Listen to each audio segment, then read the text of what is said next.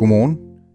Du lytter til øh, klip fra ugen, som er Kreds ugenlige opsamlingsprogram, hvor du får highlights fra øh, Radio 4's daglige kulturmagasin. Den næste times tid, der skal vi omkring et øh, togtrækkeri om midler til Nyborg Slot. Vi skal også høre polemikken om opførelsen af et nyt museum til 2024, der efter planen bliver verdens første til at fokusere på vikinger og på nordisk mytologi. Og så får du forklaringen på, hvorfor den nye Netflix-serie om Olof Palme har fået præmissen galt i halsen. Mit navn er øh, Mathias Wissing, og jeg er din vært. Velkommen til.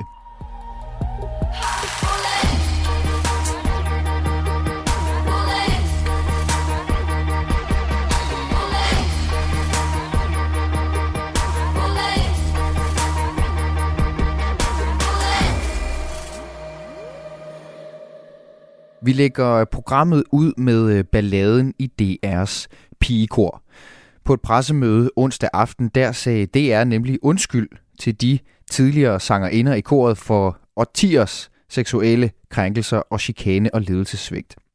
Og den her undskyldning, den var ledsaget af præsentationen af en advokatundersøgelse, som øh, konkluderer, at hele 64 tidligere sangerinder er blevet krænket i deres tid i koret. Derfor så talte kredsvært øh, Maja Hall med kulturdirektør i Danmarks Radio Henrik Bo Nielsen. Hun spurgte ham, om han kunne forstå de tidligere sanger i pigekoret, der trods den her undskyldning fortsat ikke føler, at der er blevet sat endelig punktum i sagen. Jamen, jeg ved ikke, om man nogensinde sætter punktum i den, i den type sager, fordi det går jo ikke væk. Altså, vi sagde i går, både vores generaldirektør og jeg, at det er Øh, det indgår nu som en del af DR's historie og af pigekorets historie. Øh, og jeg tror, man skal være meget opmærksom på, at, at det ikke er sådan, at man kan klappe en rapport sammen og lægge den op på hylden. Jeg, jeg tror ikke, det var en afslutning, øh, men jeg håber da, at det var en statusdag, hvor, hvor alle kvinderne mærkede, øh, at undskyldningen er oprigtigt ment og at øh, det er entydigt tager ansvaret på. Så det, det var måske det vigtigste. Hvilket indtryk gør den her advokatundersøgelse på dig som kulturdirektør i DR? Jeg har været i den her sag i, i mange, mange, mange måneder, og den, den bliver jo i virkeligheden ved med at gøre det samme, øh, nemlig at den virker overvældende, øh, at den er meget sørgelig, øh, at øh, billedet af en uacceptabel, dårlig, forkert, upassende kultur står så tydeligt igennem, og øh, at jeg selvfølgelig er øh, oprigtig ked af, at så mange, ja dengang var de jo piger og unge kvinder, i dag er det jo voksne kvinder, vi taler om, øh, øh, var udsat for det dengang, og at det er svigtet. Og nu siger du, dengang det er jo, undersøgelsen går frem til 2010, øh, og jeg kunne godt tænke mig at høre dig, hvis jeg kalder den her sag for den største skandale i DR's historie, hvad siger du så? Ja, det må du spørge en historiker om, om der er noget, øh, som jeg sidder Men hvad siger du til det?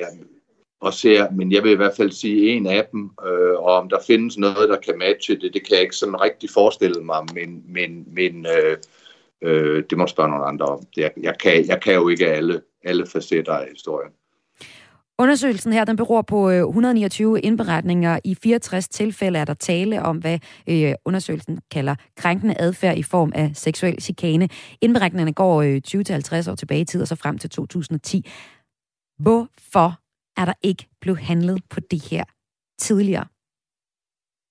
Jamen, det, det billede, undersøgelsen tegner, fordi det er jo helt uforståeligt set derfra, hvor jeg står, eller hvor du sidder, øh, at voksne mennesker kunne undlade at reagere, øh, så er det jo, at de voksne, der var omkring koret, øh, enten har taget del i det, eller udvist en passivitet. Det er vel sådan det ene store svigt i den forbindelse.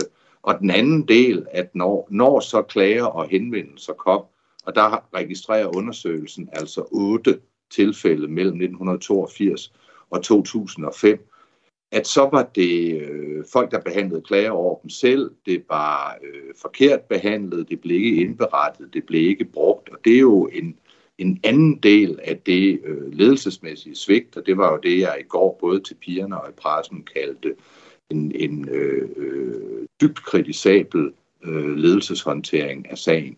Så, så der er sådan set kun, kun dårligt at sige om det, men altså det kræver jo, at de voksne, der er omkring koret, øh, undlader at reagere, og, og at nogen øh, læs ledelsen så også har undladt at reagere, øh, når alarmklokkerne bimlede og lamperne blinkede rødt.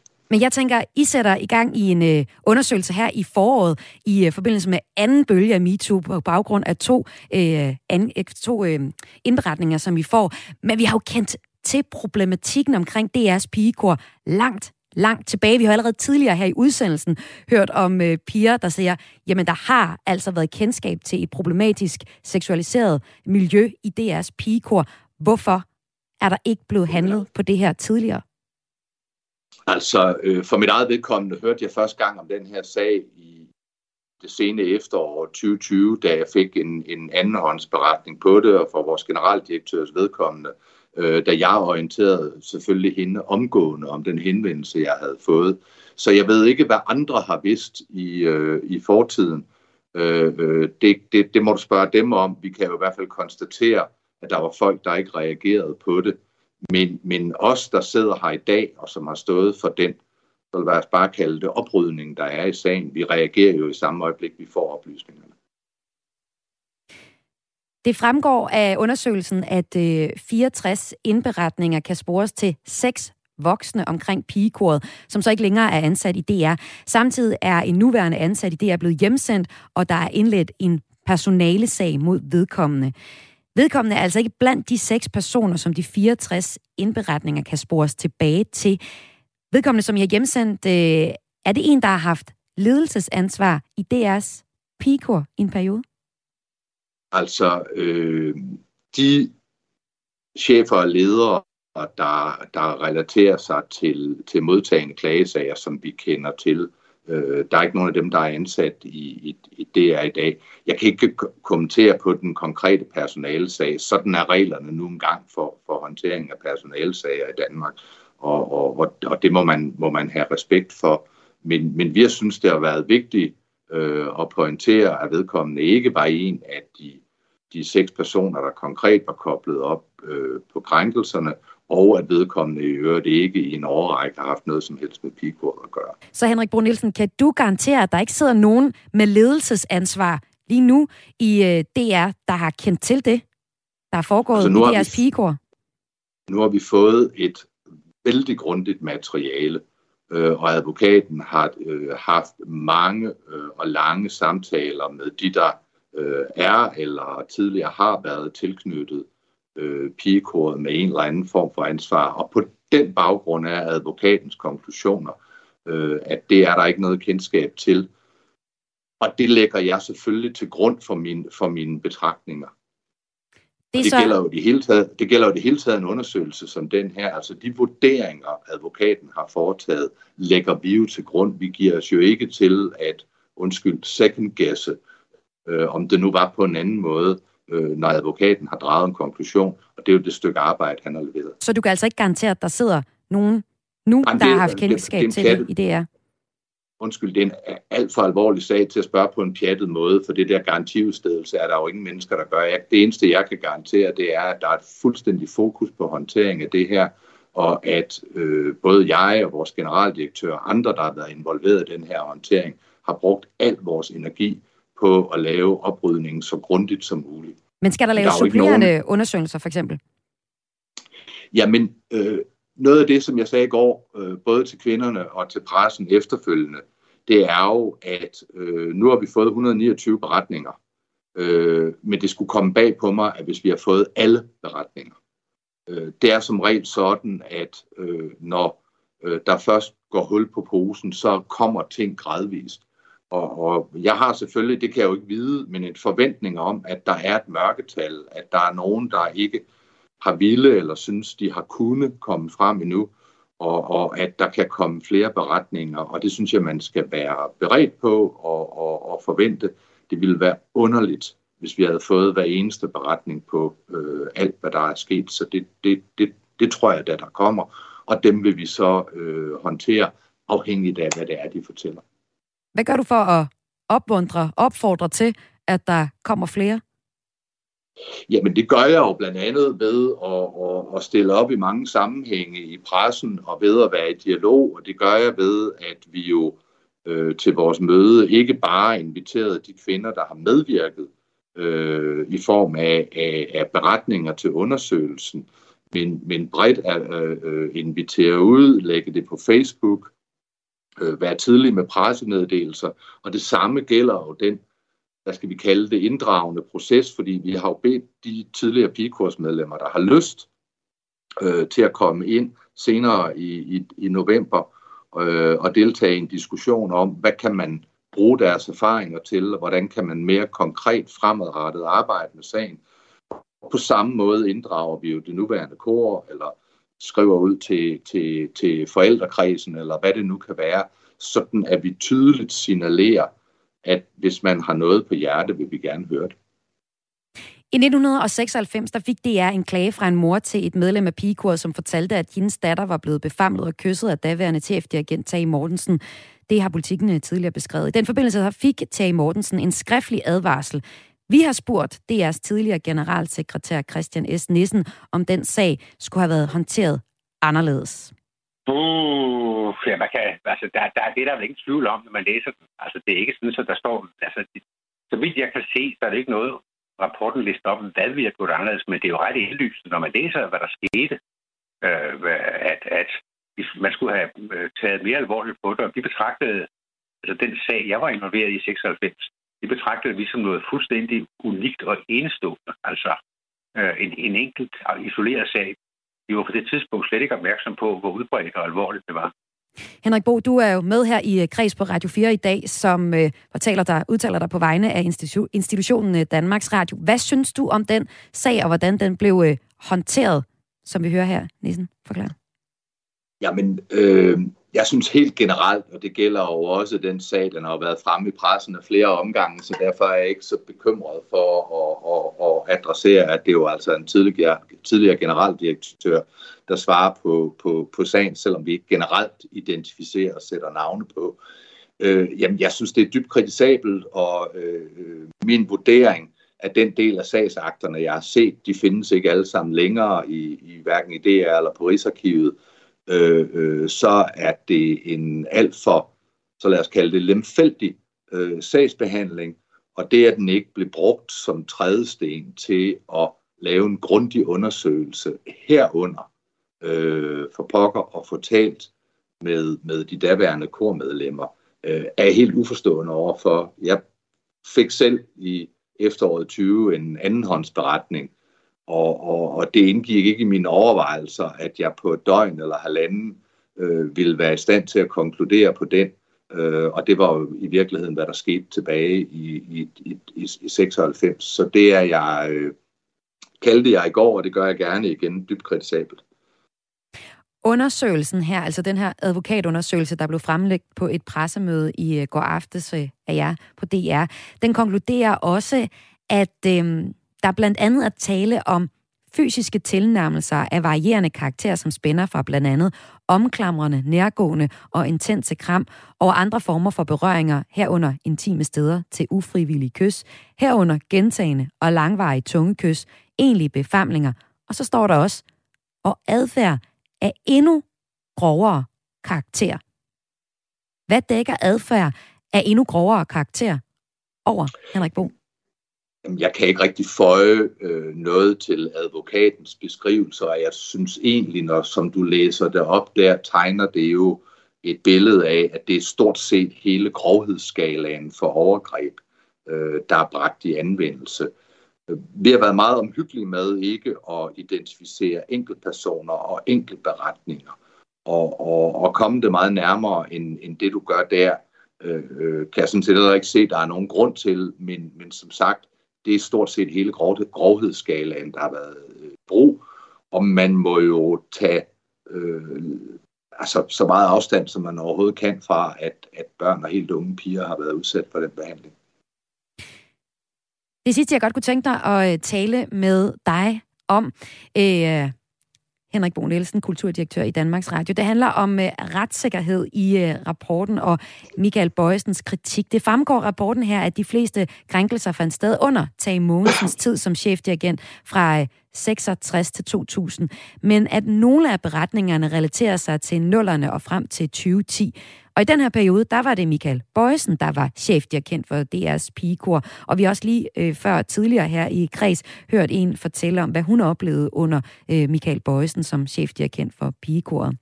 Vi har uden held forsøgt at få et interview med Michael Bøjsen, men han skriver i en mail til os, at han er dybt rystet over, at DR og advokatfirmaet, og så citerer jeg ham her fra mailen til os, præsenterer en rapport i en form og med et indhold, hvor de slår min forgængers 35 års virke sammen med mine år i koret, og han var altså i, år, i, i koret i 10 år. Hvad siger du til det? Jamen, øh, navngivende personer i, i forbindelse med den her undersøgelse, det har jeg i udgangspunktet ingen kommentar til, men må ikke minde om, og det kan jo så være en kommentar til det, at advokaten jo meget omhyggeligt formulerer, at øh, langt størsteparten af de 64 øh, indberetninger om krænkelser, der falder går tilbage i tiden før, øh, de kalder det 20-50 år tilbage, men at der også er eksempler i nullerne og frem til 2010. Og sådan lød øh, lidt af den lange snak, som Maja hun tog med DR's kulturdirektør Henrik Bo Nielsen, altså i kreds i torsdags. Du gør jo hele den her sag rullet ud, øh, blandt andet med udsagn fra to tidligere sangerinder om deres tid i koret ved at finde øh, kreds som podcast. Og det finder du selvfølgelig der, hvor du plejer at finde den slags. En anden stor sag i øh, Kultur Danmark i den her uge, det har været sagen om Nyborg Slot. Først så fik de nemlig at vide, at der ikke var penge til at renovere for mere end 300 millioner, hvad de ellers havde spurgt om. Men så blandede selveste kulturministeren sig, og nu vil regeringen skrive museumsloven om, så byggeplanerne på Nyborg Slot alligevel kan gennemføres. Ren tivolisering, siger formand for Kultur og Arv, Foreningen for Bevarelse af Historiske Bygninger. Frederik Simsen hedder han. Du kan høre mere om sagen her. Hvad er der egentlig i vejen med at renovere og bygge til på historisk kulturarv for at lokke flere folk til? Der er jo ikke noget i vejen med at renovere vores kulturarv. Vi ønsker mest mulig renovering. Vi skal passe godt på vores kulturarv. Det er en, en af de ting, der former vores identitet som nation. Og det, vi har fået overleveret fra tidligere generationer, det skylder vi at tage bedst muligt vare på og levere videre i samme eller bedre stand til kommende generationer. Så renovering er vi ikke imod, men den, øh, nu tog du afsæt i, i, øh, i sagen i Nyborg i din speak, og mm. det som er hele misæren i Nyborg, det er, at man har stået med et slotsanlæg, som folk havde svært ved at forstå af forskellige formidlingsmæssige årsager. Man stod også med et slot, som var i en bygningsmæssig meget træt tilstand. Der er intet galt i at formidle historien, der er ikke noget galt i at renovere et slot, der trænger til det. Det går vi fuldstændig ind for. Men konklusionen i Nyborg var, at man for at gøre stedet interessant for alle de mennesker, som havde svært ved at forstå slottets betydning i Danmarks historie og i Nyborgs sammenhæng, jamen for at gøre det forståeligt, så måtte man automatisk bygge 2.000 kvadratmeter nyt retlignet moderne byggeri med industrikøkken og støbt kælder øh, og kloakering midt i et fortidsminde, som altså vel at mærke er en borghøj, som er øh, et af vores allervigtigste og bedst bevarede kulturmindesmærker. Så det, det synes vi er Nej, ja, undskyld. Så det, du siger her, Frederik, det er, at eksemplet her med Nyborg Slot, der går man simpelthen over grænsen for, hvad du ser som okay. Historien med Nyborg Slot har været øh, rigtig mange år undervejs. Det har også øh, skabt mm. meget debat. Altså i december sidste år, så blev projektet så faktisk totalt bremset. Der blev sat et punktum for det her ekstremt dyre projekt, da øh, klager blandt andet jer fik medhold i Miljø- og Fødevareklagenævnet. Og en af klagerne var altså jeg kultur og arv. Det, der så sker nu, det er, at kulturminister Ane Halsbo Jørgensen gerne vil ændre museumsloven, sådan at man kan pille ved ting, der ellers var fredet. Loven har indtil nu været for stram, siger kulturministeren, og henviser til netop nytårsslot-projektet her, øh, der har løbet panden mod mur, som hun øh, forklarer det. Mm. Du er så kritisk over for, at kulturministeren i det hele taget vil ændre på museumsloven, for at kunne gøre det muligt at renovere jo ikke bare Nyborg Slot, men også andre ting. Hvorfor er det, at du generelt set er kritisk over for at ændre på, øh, på en lov, der ellers vil øh, højne kulturarven? Jamen, først og fremmest så er det jo ved at sige, at museumsloven i dag, øh, som den hedder i dag, er jo øh, øh, et, en af tre love, der passer på vores øh, fortidsminder. Det, vi har haft et meget øh, rigidt fredningslovskompleks, som øh, blev vedtaget i 1918 oprindeligt, så vi har altså i over 100 år beskyttet vores ting på den samme måde. Når du så spørger til kulturministeren, så øh, at det er jo tankevækkende, at det er kulturministeren, der vil ændre loven, fordi det er kulturministerens projekt, som er kuldsejlet. Og kulturministeren har gennem sine forskellige styrelser tidligere været meget restriktiv i forhold til både private og offentlige anlæg for, hvad man måtte der og ikke måtte der. Øh, I det her tilfælde der er det så Kulturministeriet, som øh, formelt ejer Nyborg Slot, det vil sige, at de vil være bygherre i Nyborg Slot. Det er også dem, som skal dispensere fra fredningslovene, det vil sige, at det er dem, der skal give sig selv tilladelse. Og det har de givet sig selv lov til i den her sag, hvilket myndigheder normalt ikke gør. Altså normalt så er der jo armslængdeprincip, og man må ikke være inhabil, når man sagsbehandler. Men det har Kulturministeriet givet sig selv lov til i den her konkrete sag. Og så har de hele tiden henvist til, at det var i orden, at de behandlede, sagsbehandlede sig selv, fordi der var en meget bred klageadgang, og at fredningsnævnet, det er det, der hedder Miljø- og Fødevareklagenævnet, at de ville behandle sagen meget grundigt. Nu står vi så i en situation, som du har fortalt, hvor det klagenævn, fredningsnævnet, har stanset kulturminister, altså kulturministerens projekt, og så siger kulturministeren, at der er også noget galt med loven. Vi bliver nødt til at øh, se på øh, at lempe den, sådan så det, vi gerne vil lave i Nyborg, hvor vi jo har brugt 50 millioner kroner, inden vi overhovedet er kommet i gang, øh, sådan så det kan lade sig gøre. Det finder vi ret betænkeligt. Og jeg vil sige, det er, ikke, det er jo ikke kun mig eller min snævre kreds. Det er en meget, et meget bredt udsnit af danske museumsfolk, fredningseksperter, bygningshistorikere med videre. Og nu siger du så, at det er Kulturministeriet selv, der ligesom øh, vil ændre på tingene. For lige at være helt skarp på det, så er det en vurdering fra en arbejdsgruppe, som den tidligere kulturminister Joy Mogensen øh, nedsatte. Og fra deres øh, vurdering er så, at den nuværende museumslov, den begrænser unødigt meget med sin beskyttelse af såkaldte fortidsminder, som Nyborg Slot jo er. Og bare lige for øh, dig, der lytter med, for at forstå, hvor meget røre den her historie, den egentlig har vagt, så er det sådan, at øh, hos Dansk Folkeparti, der var man i første øh, omgang ikke særlig glad for det her renovationsprojekt. Og, øh, og det var man sådan fra, fra, fra skal man sige, store Dansk Folkepartis side. Øh, de var ikke glade for det, men den lokale DF'er, Carsten Kusk, han var så træt af, at øh, moderpartiet Dansk Folkeparti var imod opdateringen af Nyborg Slot, at han sagde, at det var med til, at han trak sig fra partiet.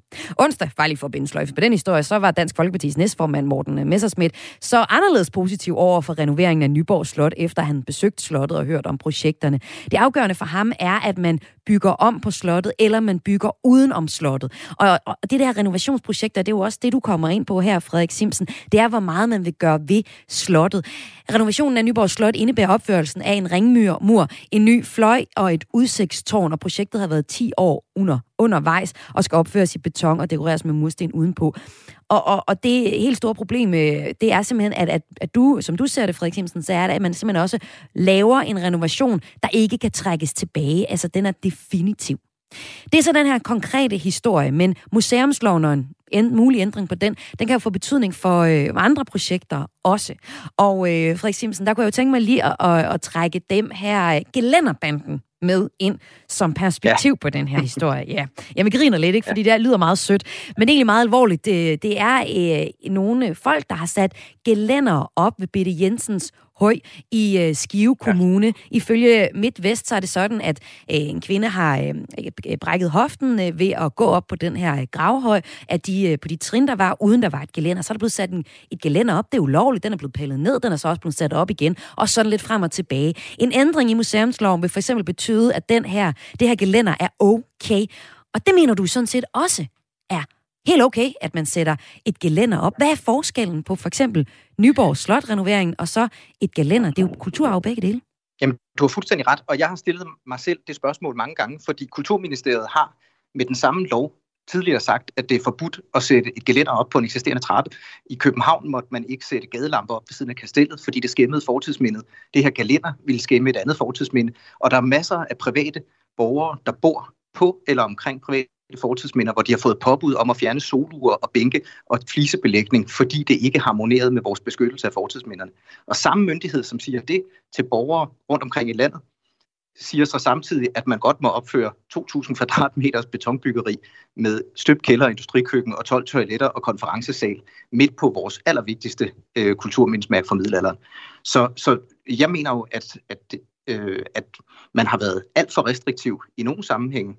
Og vi har jo undret os meget over, at det er samme myndighed, som kan være så restriktiv, at man ikke må have et gelænder på en trappe, som samtidig synes, det er i orden at gennempløje øh, Slotsbanken i Nyborg med 120 søjler i jorden, der kommer i kontakt med arkeologiske levn. Man skal fjerne rester af Christian 3's ringmur, og flere af de her, halvdelen af de her søjler er øh, udstøbt i beton på kryds og tværs i 60 cm diameter. De vil aldrig kunne fjernes igen. Men Frederik Simpson, og... det er jo ikke fordi, de synes det. Det er jo fordi, der har været den her museumslov, som man nu vil lempe på. Og hvis man ja. øh, laver om på reglerne for museumsloven, så vil det jo altså give mulighed både for Nyborg Slot og også for den her øh, gravhøj. Så det er jo begge dele, der det bliver ændret på. Men øh, bare lige kort til sidst, Frederik Simpson, der altså er ja. formand for Kulturarv. Øh, mener du, at man faktisk kan tage stilling til det enkelte stykke kulturarv fra gang til gang? administrativt kæmpestort. Ja, i, i, i, i meget høj grad, og det har ja. man jo også gjort tidligere. Man har været afsindig restriktiv tidligere, og man har været meget glad, kan man jo læse på akterne, for at være restriktiv. I, det her, i det her, den her sag, der er det jo kun fordi, det er Kulturministeriets eget meget dyre byggeprojekt, hvor man allerede har klaret pengene fra AP Møllerfonden og fra Realdania. Og der har man jo altså lidt øh, hvad skal man sige, forsømt at udvise rettidig omhu, fordi man har brændt 50 millioner kroner af på et projekt, som man hele tiden har vidst, der var 50 procents risiko for, at det kunne blive bremset i statens øverste fredningsnævn. Det vil man altså ikke acceptere nu, og så laver man loven om. Det kommer øh, øh, mange almindelige mennesker til gavn, men der må være en proportionalitet. Altså fordi bare det, at vi ændrer på fredningsloven, betyder jo ikke, at man samtidig skal tillade en de facto skamfering og ødelæggelse af vores allerfineste kulturmindesmærke i Nyborg. Og derfor mener vi, at hele sagen bør omtænkes. Der er ikke noget galt med et formidlingscenter, men der er en fuldstændig velegnet byggegård i Nyborg, 60 cm, øh, hvor 60 meter ved siden af slottet, og der kunne det opføres. Men sådan har man aldrig tænkt, fordi man fra starten har ville have et monument, og man har lagt sig fast på en løsning fra starten. I onsdags der talte vi så med kulturoverføret i øh, Socialdemokratiet Kasper Sandkær. Han afviste kritikken om at have knægtet armslængdeprincippet i det her tilfælde, og hvis du skal have den bid med, og det synes jeg, at du skal, så skal du finde kreds fra i onsdags, og det gør du der, hvor du plejer at finde podcasts. Nu vi er ved øh, museerne, så var der breaking news for vikinger og asatroende landet over i mandags. Efter planen der slår et nyt museum nemlig dørene op i 2024, og de døre de går ind til selve Valhalla. Det nye museum kommer nemlig til at fokusere på nordiske guder og gudinder og skal bygges ved den gamle vikingeborg Borgringen uden for Køge, som en del af Museum Sydøstdanmark, og det skal bygges fuldstændig fra Pløjemark til øh, Vikingeborg til en pris af 50 millioner. Bagmanden bag projektet er, ja, du gættede det, ingen andre end Jimmy Lyngvild, Danmarks førende vikingeelsker. Men det her museum, det er faldet teolog og debattør Iben Tranholm for brystet. Hun er nemlig efterhånden ved at være godt træt af at høre om vikinger og nordisk mytologi i et kristent land. Hvorfor hun er træt af det, det spurgte vi hende om i torsdags. Jamen, man skal bare tage en tur rundt i landet, øh, så kan man næsten ikke komme ind på et museum, uden at at der er en udstilling om vikinger. Altså jeg kan nævne i rækkefølge Nationalmuseet, som jo i 2018 lå Jim Lyngvild øh, redesigne deres vikingeudstilling. Det var sådan ligesom det første. Øh, nu har de så en ny øh, udstilling, der hedder På top med vikingerne, så er der Ribe, der er der museet Ribes Vikinger, der er Ribe, Ribe Vikingcenter. I Roskilde er der Vikingeskibsmuseet, og det skal også fornyes. I 2026 kommer der et helt nyt museum derude. Øh, hvis man tager op for at se Jellingstenen, øh, som jo er et monument over, hvornår danskerne blev kristne, ja, så er der sørme også en udstilling, Kongernes Jelling, hvor man kan blive klogere på vikingernes øh, liv og levnet. Så og jeg har lige fået et billede fra gågaden i Aarhus, der er også poppet et vikingemuseum op. Så altså, vikinger, vikingetiden, synes jeg, er overrepræsenteret på Danske Museum i forhold til, hvor lille en periode det rent faktisk fylder i vores samlede Danmarks historie. Det er fra 850 til cirka 1000, så det er 150 år. Og, og det bliver altså vildt eksponeret på, på stort set alle, ja, eller ikke alle museer, men rigtig mange øh, hovedmuseer i Danmark. Så jeg synes, måske, det er fint nok, at der er et vikingemuseum, men hvis det bliver, ligesom bliver normen, at alle museer skal særligt fokusere på vikingetiden, så synes jeg, at øh, det er ude af proportion. Og Iben, du har så lavet podcasten på sporet af den tabte tro, hvor du netop tager på opdagelsesrejse tilbage til den katolske middelalder, som du blandt andet mener, at katolicismen fylder alt for lidt. Du øh, siger, du simpelthen savner udstillinger om katolicisme i Danmark, men øh, der er jo flere udstillinger om øh, middelalderen, hvor den bliver beskrevet for eksempel på øh, Nationalmuseet og også på Moskov Museum. Så Iben, hvad er det sådan helt konkret, du synes, der mangler på museerne?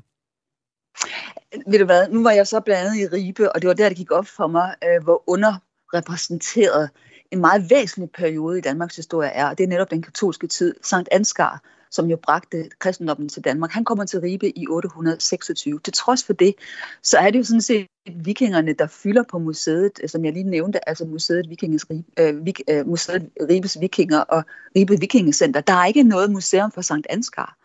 Øh, og det kan man undre sig over, fordi vi har faktisk været katolikker i Danmark i 571 år. Vi har kun været protestanter efter reformationen i 485 år. Men man kan så, så anfægte den... det tal og sige, at, at vi har måske også dyrket vikinge og nordisk mytologi i, i lidt længere tid. Men jeg er med på øh, med forholdene også. Ja. Men hvad er det, nej, du helt konkret... Nej, fordi, øh... altså, men, men altså, hvis du kigger på vikingetiden, så har den jo ikke nogen indflydelse egentlig på den kultur, vi kender i dag. Og, og, og jeg forstår egentlig for... hvorfor der er den her... Mm hvorfor der er den her flirten med den her kultur, fordi den, den repræsenterer jo en hel masse værdier, vi for længst har taget afstand fra. Der var en enorm ulighed i samfundet. Der var menneskeoffringer, der var børneudsættelser, og det er en meget brutal og voldelig kultur som ikke har noget som helst med menneskerettigheder og demokrati at gøre.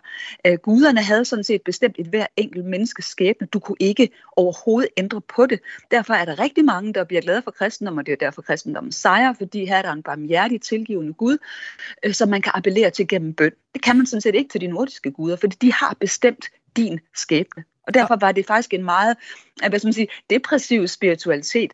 Så jeg kan ikke forstå, hvorfor folk så gerne mm. vil finde tilbage til de rødder, som fylder så kort øh, en periode i vores historie. Og lige for at vende tilbage til, det du siger om katolicismen og kristendommen er jo udstillet øh, på danske museer. Ja, men det er jo øh, begrænset til nogle få montre og nogle forskellige, jeg ved godt, på Nationalmuseet har man en større udstilling, men det er jo ikke på nogen måde formidlet eller uddybet. På Nationalmuseet, der er der en lille brik blandt andet, der er sådan nogle små børneudsagn, der er sat op af de forskellige montre. Der står for eksempel, hvis Jesus øh, var opstanden, døde han så af alderdom bagefter. Ha, ha, ha. Altså, det er sådan en ironi. Hmm. Og det vil sige, det er begrænset til nogle, nogle, sådan nogle kommentarer omkring fede biskopper, i den katolske tid, som øh, misbrugte deres magt, og ellers så er det hele sådan set jo bare udtryk for overtro og humbug. Den respekt, øh, som kristendommen burde have, den har man jo over for vikingetiden. Der var aldrig nogen, der kunne finde på at gøre grin med Odin og Thor på den måde. Det tager man meget højtidligt på de her vikingeudstillinger. Mm. Mm. Så, så der er en total skævvridning i forhold til, hvor meget kristendommen har bygget det samfund, at Danmark er i dag. Og det hører med til vores historie, og det er fuldkommen underprioriteret på danske museer, sådan som jeg oplevede det sidste sommer, da jeg lavede den podcast og Iben øh, Tranhold, teolog og debattør. Lige om lidt, så byder jeg så velkommen til forskningsleder hos Museum, Sydøst-Danmark, der altså i starten af ugen afslørede Danmark for verdens første vikingemuseum. Men først lige lidt forhistorie. Altså, designer Jim Lyngvinds udstilling har øh, før vagt opsigt og debat, senest da han i august fotograferede blandt andet kultur- og kirkeminister Ane Halsbo Jørgensen som hedensk vølve til en kommende udstilling på Køge Museum. Og her var du, Iben Tranholm, også en af dem, der kritiserede Ane Halsbo Jørgensen for mangel respekt for kirken og beskyldte samtidig Jimmy Lyngvild for at promovere hans asatro gennem kirkeminister statsministeren. Jeg vil bare lige sige, at og understrege, at øh, vi i dag ikke skal debattere Jim Lyngvilds rolle på det nye museum, men derimod, hvorvidt den nordiske mytologi fylder for meget på de danske museer. Og med det så kan jeg nu byde velkommen til dig, Jens Ulriksen, som øh, er forskningsleder hos Museum Sydøst Danmark og skal stå i spidsen for det her nye forskningscenter, der bliver knyttet til museet. Velkommen til. Tak skal du have. Vi hører her Iben Tranholm fortælle, at der er rigeligt med oplysninger om vikingetiden og den nordiske mytologi på de danske museer. Og øh, hun lavede også en opremsning her. Jeg kiggede også lige på Visit Danmark. Øh, der kan man se, at der er allerede mindst 13 danske vikingeattraktioner, blandt andet Vikingemuseet i Aarhus og på Nationalmuseet, hvor man også kan blive oplyst om vikingernes guder i den nordiske mytologi. Og nu, Jens, så vi så bruger over 50 millioner kroner på et nyt museum, der skal oplyse os endnu mere om vikingerne og den nordiske mytologi. Og det har de blandt andet støttet af Køge Kommune. Jens, kan du forstå, at Iben Tranholm er ved at være træt at høre om nordisk mytologi og vikinger? Mm, ja, det, altså, det, hvis ikke man synes, at det er spændende, så kan man selvfølgelig hurtigt blive træt af det. Øh, jeg, jeg er da enig i, at der er vældig meget øh, om vikinger, øh, både udstillingsmæssigt og, og i medierne. Øh, og det er bare en populær periode for rigtig mange mennesker. Øh, men man kan sige, at nogle af de eksempler, som Iben Strandholm her øh, bringer frem som øh, Vikingemuseum, det er jo øh, museer, der er knyttet til lokaliteter, hvor man rent faktisk har fundet meget interessante ting om, om vikingerne. Så altså, det gælder Jelling og Ribe for eksempel, og Aarhus også for den sags skyld. Og det gælder faktisk også det, vi skal lave øh, på, på Borgring, fordi man skal ikke øh, glemme i, i, i hele det her øh, pressepalaver, øh, at øh, det er faktisk udgangspunktet er faktisk Borgring, som er en ringborg fra øh, 970'erne, bygget under Harald Blåtand, som er kongen, der øh, officielt går over til kristendommen, og som sætter en storstilet, skal vi sige, øh, PR-kampagne i gang ved at bygge øh, monumenter i geometrisk udformning, herunder de cirkulær ringborg. Vi har altså borgringen liggende ved Køge, og det er virkelig den, øh, som er vores udgangspunkt, når vi taler om det her såkaldte ASA-museum. Øh, det, der øh, er interessant for os at se, det er, at borgringen symboliserer en overgang øh, imellem det gamle, som er mindst 600 år gammel øh, asatro, øh, som har, har været i landet på det her tidspunkt, til en ny øh, tid, en, med en ny herskerideologi, en ny religion, som er katolicismen, kristendommen, øh, sådan mere populært sagt. Øh, og lige præcis den der overgang øh, optager mange fagfolk, og den optager også lægefolk, øh, og også optager den på en måde, der gør, at vi godt kunne tænke os at pege på, hvad er det egentlig, man forlader øh, med ved udgangen af, af denne her øh, hedenske periode. Hvad, hvad er det egentlig for et samfund, man havde, og hvor man kan sige, guderne er vævet ind i det almindelige liv øh, på en måde, som vi synes er interessant, øh, og også man kan se gudernes øh, tvetydighed. Altså det er ikke når, som når man læser Valhalla-tegneserier eller Marvel Comics eller ser Netflix-serier. De er ikke, det er ikke nødvendigvis sådan, øh, vi læser kilderne om, hvordan guderne øh, har været og hvordan man har opfattet guderne. Og det er det, vi egentlig gerne vil pege på. Tvetydigheden øh, og, og den, øh, kan man sige, den, den overgang, der sker, hvor, hvor Harald Blåtand jo må se en eller anden fordel øh, i den omvendelse, han, han øh, foretager, øh, og, og vi vil meget gerne se på fyrsten, øh, altså kongen, øh, som, som et, et meget centralt element i det, fordi fyrsten har en meget central rolle i, i den hedenske tid, og det har fyrsten altså også i den kristne tid. Så vi mener, at man kan lave en meget spændende øh, udstilling øh, med udgangspunkt i borgring som symbol på overgang til kristendommen, men hvor vi kigger tilbage i tid og ser, hvad var det, man forlod. Så Iben Tranholt, vi hører egentlig to ting her forklaret med det. Den ene, det er, at øh, de museer, vi ser rundt om i øh, landet, der beskæftiger sig med nordisk mytologi og vikingetiden, de er knyttet op på noget lokalt forankret. Og den anden pointe, som jeg lige vil starte med at forhøre dig for, Iben, det er jo, at det lyder egentlig til, at museet her faktisk også omfavner transitionen fra øh, den øh, nordiske, hedenske øh, øh, tro, altså afsked med Odin, øh, Thor og Loke, og et god dag til, til Gud og de øh, kristne ritualer. Så gør de ikke netop det, du godt kunne tænke dig at se mere af på museerne? Det var ikke det, jeg lige hørte blev sagt her af, Jens. Altså, jeg synes ikke, det her, det, det, det, i hvert fald for mig lyder som en neutral historieformidling. Det, for mig lyder det som om, at man har en særlig mission faktisk. At man vil gerne føre danskerne tilbage til asatroen, altså gudernes tvetydighed, som der lige blev talt om. Mm. Øhm, og kigge på det, det er jo ikke... Øhm, hvad skal man sige, øh, en neutral formidling og sige, okay, hvordan kan det være, at danskerne heller ville være kristne? end de ville være øh, asatroende, fordi det var jo det, der var udgangen på det. Og der kan jeg også høre, at man har sådan en fordom om, at, at han, altså, Harald Blåtand nok gjorde det, fordi der var en politisk fordel i det. Altså tanken om, at han rent faktisk blev omvendt, og han rent faktisk troede på den kristne Gud, det, og det kan jeg også se, det kunne jeg også se sidste sommer, da jeg var rundt på de andre vikingemuseer, det er ikke det, at der er budskabet. Det er, at han er på en eller anden måde blevet, øh, ja, blevet kommet ud i en politisk situation, hvor det har været nødvendigt for ham at gøre, og så ligesom tvangskristnet Danmark. Og nu skal vi tilbage til så det originale danske, som er asatroen. Kristendommen var noget grimt noget, der kom og erobrede Danmark, og nu skal vi tilbage til det originale. Men det er jo noget vrøvl, fordi hvis man ser på det rent historisk, så det der med, at danskerne var øh, asatroende i århundreder før, at kristendommen kom, det er ikke helt rigtigt. Fordi Sankt Ansgar kommer i 826, og man definerer vikingeperioden fra 850 til 1000. Og det vil sige, at øh, de er samtidige de konkurrerer med hinanden. Og det er helt klart, der er en kamp imellem kristendom og imellem hedenskabet. Og så vinder kristendommen altså. Og en af grundene til blandt andet kvinderne, for det var rigtig meget anført af de altså af vikingekvinderne, det var rent faktisk fordi, at de opnåede en helt anden status i samfundet, og deres børn blev ikke længere sat ud, hvis faren ikke ville anerkende dem, fordi det sørgede den kristne kirke for, at sådan behandlede man ikke børn.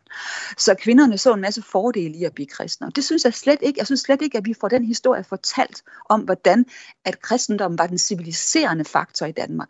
Kom med hospitaler, skoler og retssamfund, og hele den, hele den bærende kultur, at næste kærlighed er normen. For næste kærlighed var ikke normen i vikingekulturen. Så jeg kan ikke forstå, hvorfor danske museer føler, at det er deres opgave faktisk at nærmest at missionere for den tro. Fordi det er sådan, som jeg egentlig synes, det bliver udlagt som. Det er, det er vigtigt, at vi bringer danskerne tilbage til, hvad der var før kristendommen.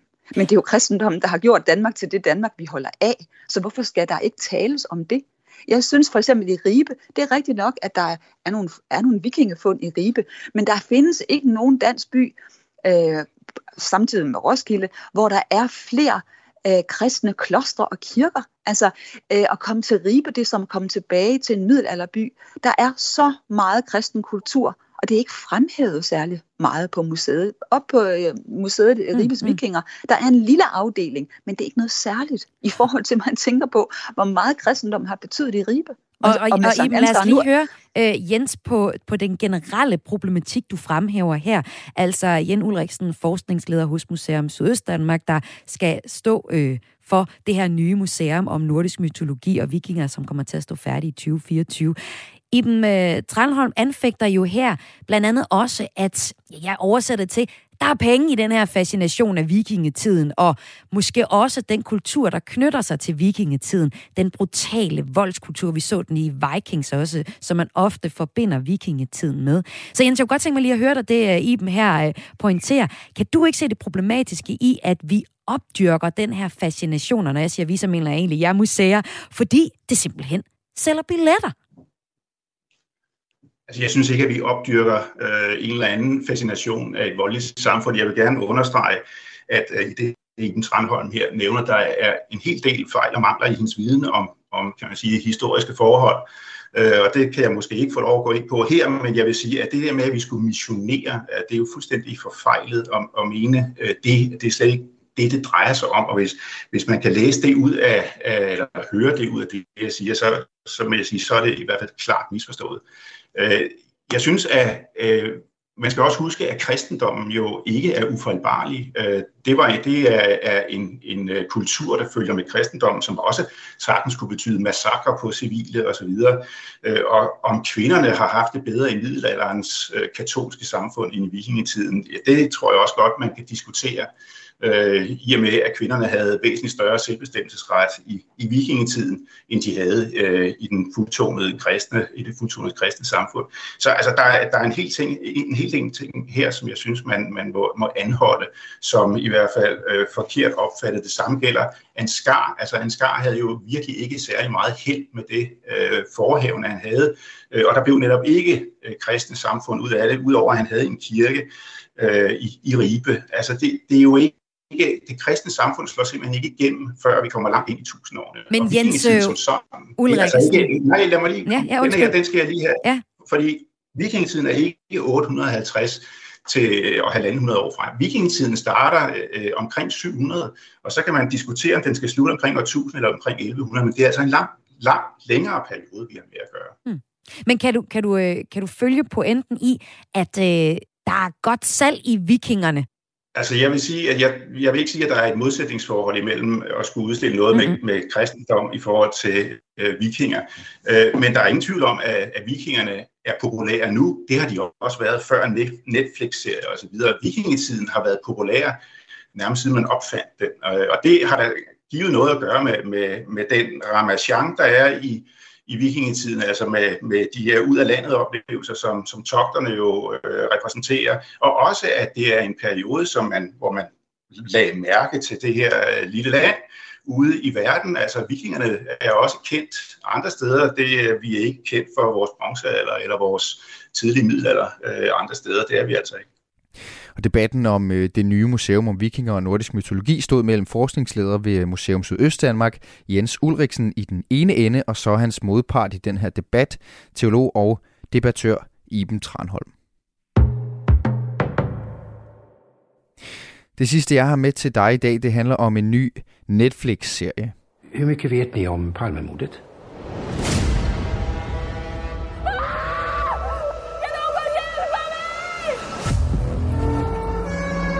Vi söker en ensam gärningsman. Han sprang upp för trapporna.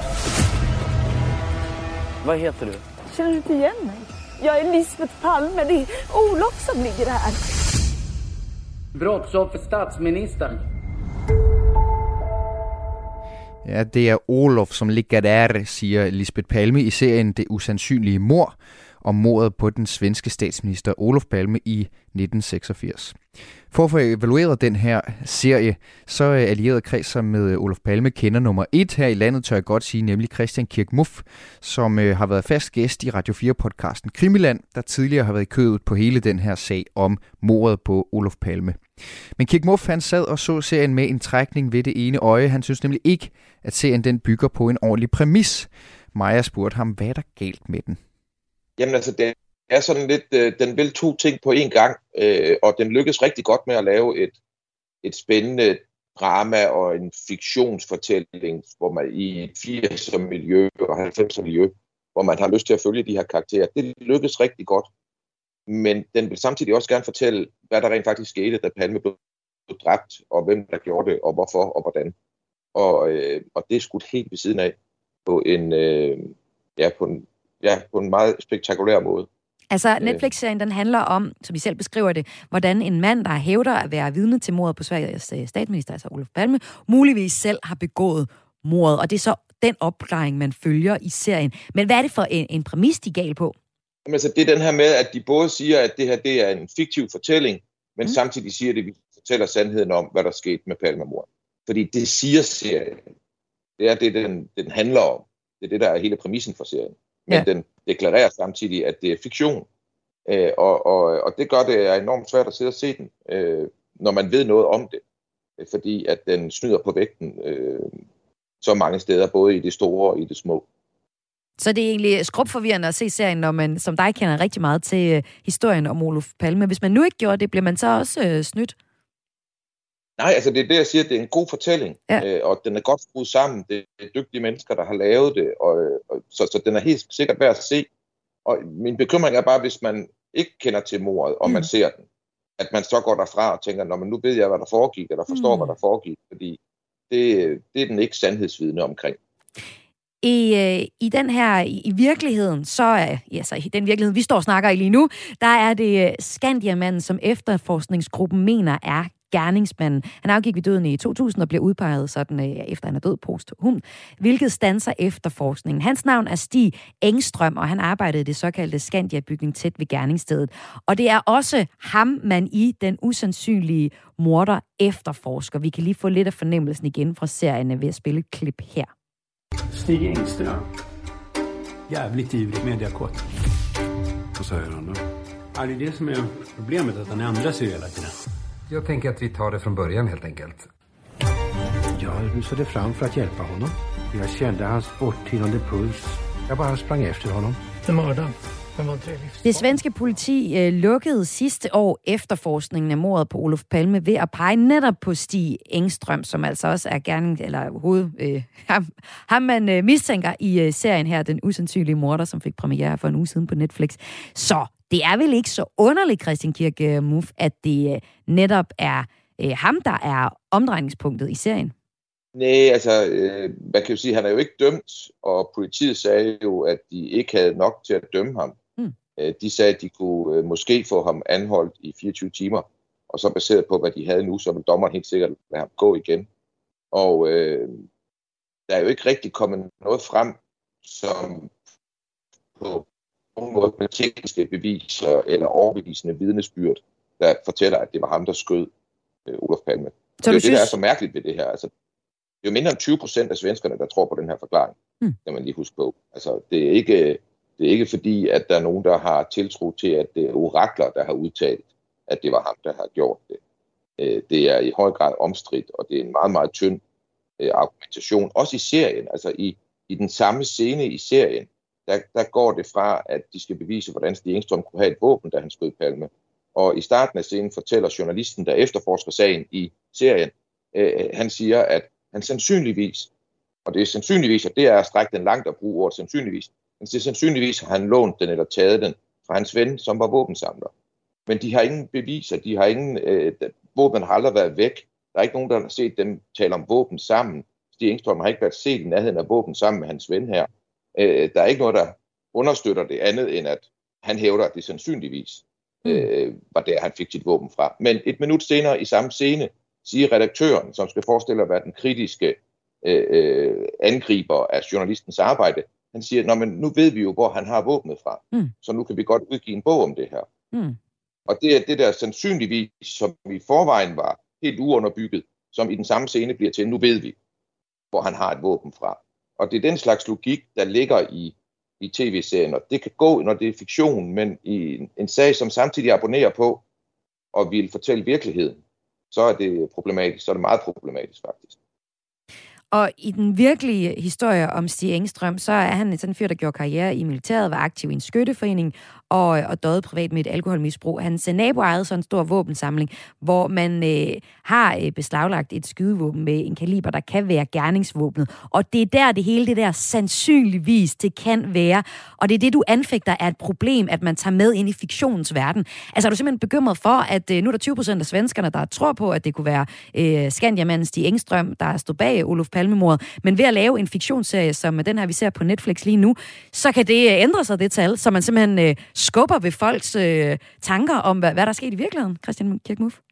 Ja, ja det, det, altså man skaber jo i hvert fald nogle meget stærke billeder af, hvordan det her det hænger sammen.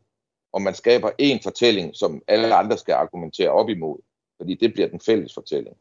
Øh, og, og det kan man jo sige er ærgerligt. Man kan også vente om at sige, at det er godt, at der er opmærksomhed på palmemordet, og det her gør måske også, at der er endnu flere, som forsøger at forstå, hvad var det rent faktisk, der foregik, fordi det er et, et fantastisk øh, mysterium og en uløst morgåde, som er dybt fascinerende. Øh, det er ærgerligt, at, at den her serie kommer til at give et forskruet indtryk af det. Christian Kirkmuff, nu har du øh, som journalist også øh, været en del af, af Krimiland her på Radio 4, et indgående kendskab til Olof Palmemordet. Du har virkelig øh, dyrket det og nørdet det. Hvem mener du selv er morderen, som de burde have undersøgt i den her nye serie? Jamen, i serien nævner de faktisk øh, det, der hedder Stay Behind, mm-hmm. som er noget, som journalisten i nutidssporet øh, i serien, den foregår i nogle forskellige lag, og i mhm. nutidsspor, der løber journalisten rundt og prøver at se, om han kan knytte øh, Stig Engstrøm til noget, der hedder Stay Behind. Stay Behind var sådan et super hemmeligt spionnetværk, øh, og øh, fordi at så vil det kunne give mening, fordi alle, der kigger på det mor, de, de ser en konspiration. Det er svært at, at tro, at det bare er tilfældigheder, der ligger bag det der mor på den måde, det er udført på, og på den måde hele forløbet er før og efter mordet. Øh, så jeg tror, jeg tror, de fleste tænker, at der ligger en konspiration bagved, og det er derfor, at de her forklaringer med en ensom galning er så utilfredsstillende, fordi de forklarer sig lidt øh, af alle de mystiske ting. Så det er nok det, jeg tænker, der ligger bag. Hvad det så er for en konspiration? Øh, øh, jamen, inde i mit hoved, der kalder jeg det statsbordet. Mm-hmm. Øh, der tænker jeg, at det er øh, små autonome grupper i staten, som mener, at Palma er blevet en sikkerhedsrisiko, og derfor beslutter de sig for at, at dræbe ham. Og da det sker, så er der en masse andre i statssystemet, politikere og andre, som ligesom, hvor bordet fanger for dem, hvis de skal øh, gå ind i det her og forsøge at eksponere, hvad der rent faktisk ligger bag mordet, så skal de vende branden ud på det svenske samfund, og man vil stå med en tillidskrise til staten og til militæret og til politiet osv., som man ikke har prøvet i moderne demokratier. Prøv lige at øhm, overveje, hvis det var den, øh, hvis det var dig, der havde været med til at være manuskriptforfatter for den serie, og det var den historie, der ville blive fortalt. Hvordan tror du, det svenske øh, samfund ville have reageret på det, hvis der var en fiktionsserie, der pegede på, at det var staten, det er staten selv, der på en eller anden måde øh, er en del af, af det her?